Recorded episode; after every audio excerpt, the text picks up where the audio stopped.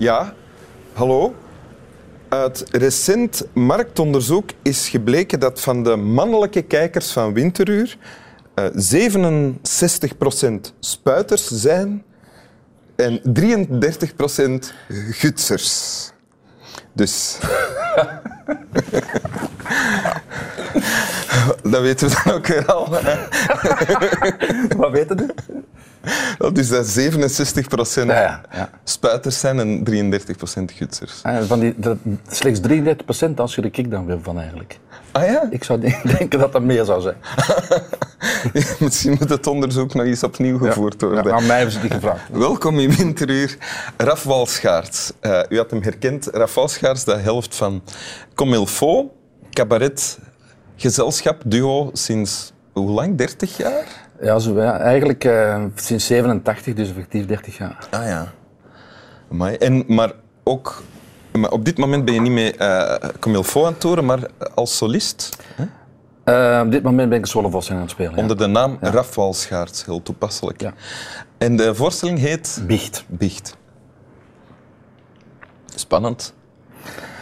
Ehm, de- de- nu valt het mee. Het, wa- het was spannend twee maanden geleden toen ik aan begon. Ah ja, ja. Oké, en je hebt een tekst meegebracht. Ja. Lees maar voor.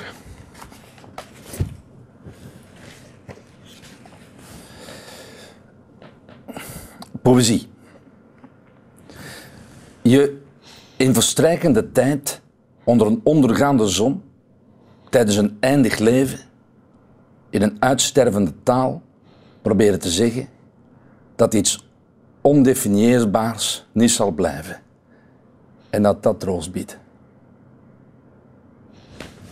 Van Marco Houtschild. Marco Houtschild, ja. Nog nooit van gehoord. Nee, ik weet het. Het is, het is eigenlijk iemand die ik persoonlijk leren kennen heb. Een Nederlandse dichter.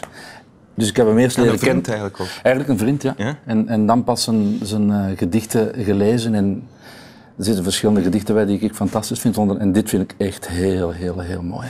Oké, want wat, wat staat er?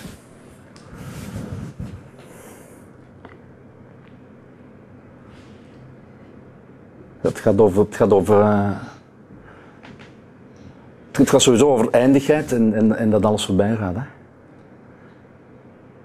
En dat dat, dat dat troost biedt.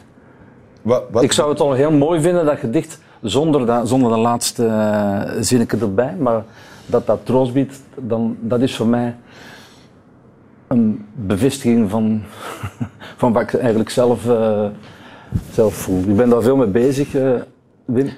Maar, ja. Eindigheid. Eindigheid, ja? Ja, dat is misschien, misschien ook een, een beetje, uh, of een beetje veel de midlife waar ik toch in zit. Je bent 50, Ik ben 52. 52. Ja. ja? En, dat, en de dat dat troost biedt, uh, denken over eindigheid, dat is voor mij echt troostend. Want eigenlijk, zoals ik het lees, er staat uh, in uh, de verstrijkende tijd, ondergaande zon, eindig leven, uitstervende taal, iets proberen te zeggen, en dus aan iemand anders, dus aan die je, um, dat doen, dus dat benoemen, dat en dan uh, beseffen dat dat troost biedt, dat is poëzie. In waarschijnlijk zijn al, zijn de, de, meest brede zin van het woord. Zo vat ik het samen wat ik daar lees. Ja, dat, dat klopt. Die, echt iemand concreet zeggen of zo, zo had ik nog niet, nog niet echt gelezen, maar ja, dat, zo zou dat kunnen zien. Ja. ja. En je zei, dat houdt mij bezig, nu, nu in deze fase van je leven, hè? Ja, al wel wat langer, maar uh, nu in deze fase zeker, ja. ja. Omdat er mensen rondom je sterven of omdat er... Oh. Omdat de mensen oud worden rondom mij. Mm -hmm. uh, mijn vader en mijn moeder bijvoorbeeld. Die leven nog? Die leven alle twee nog. En die zijn op zich uh, goed, maar die worden ouder. En dat is iets wat ik weet, maar dat is, en, en wat ik al heel mijn leven zie aankomen. En wat toch, uh, ik, moet dat toch, ik moet daar toch mee bezig zijn om dat, om dat extra te kunnen geven. Zo. Misschien ook voor zusken om, om uh, omdat, kan, om, omdat dat, dat wijst mij op mijn eigen eindigheid en mijn eigen sterfelijkheid. Klinkt heel zwaar, zeg nu dat zeg. Maar ik ben er wel mee bezig. Ja, als je ermee bezig bent, kun je niet anders dan... Er... En, en is dat, sluipt het dan ook in je werk? Dat sluipt nu zeker in, in, in mijn werk. In de voorstelling dat ik nu aan het spelen ben, Bicht zit daar, zit daar echt in. Ja. Ja, op welke manier?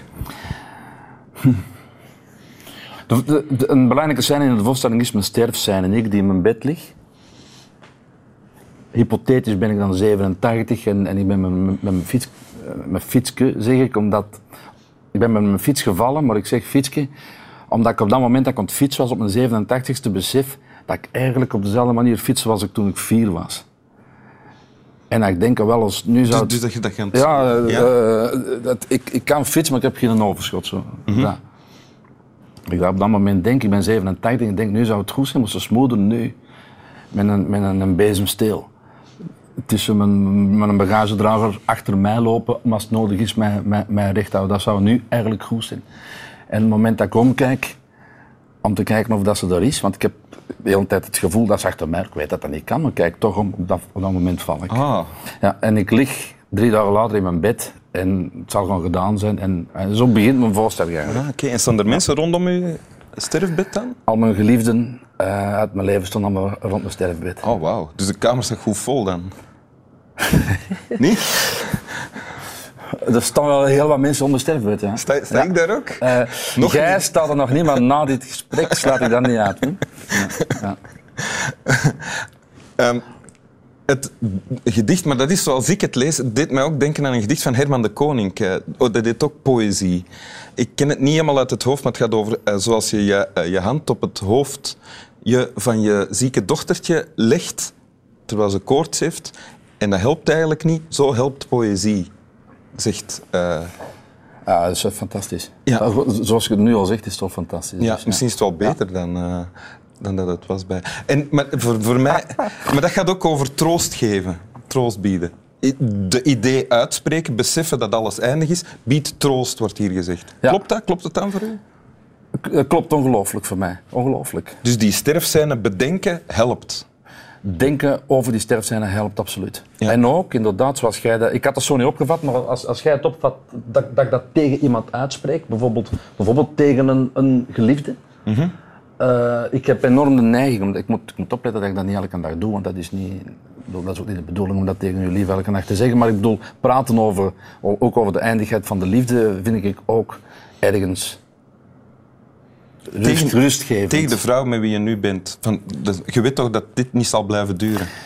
Je, je, je weet toch, je weet toch dat ik hoop dat het altijd zal blijven duren.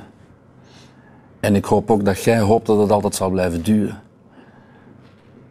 Maar er is een grote kans eh, dat wij alle twee veranderen, of dat de liefde verandert. En dat, dat, laten we zeggen, ik hoop dat wij altijd samen blijven, maar we kunnen niet zeggen dat dat in deze vorm zal zijn. Voilà. En dat zeggen helpt.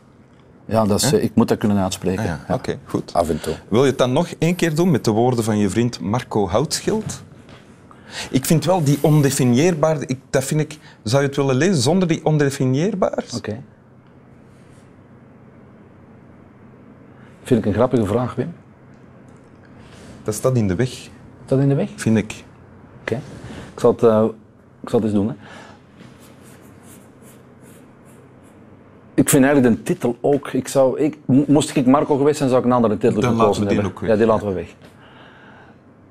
Je in verstrijkende tijd, onder een ondergaande zon tijdens een eindig leven, in een uitstervende taal, proberen te zeggen dat iets niet zal blijven.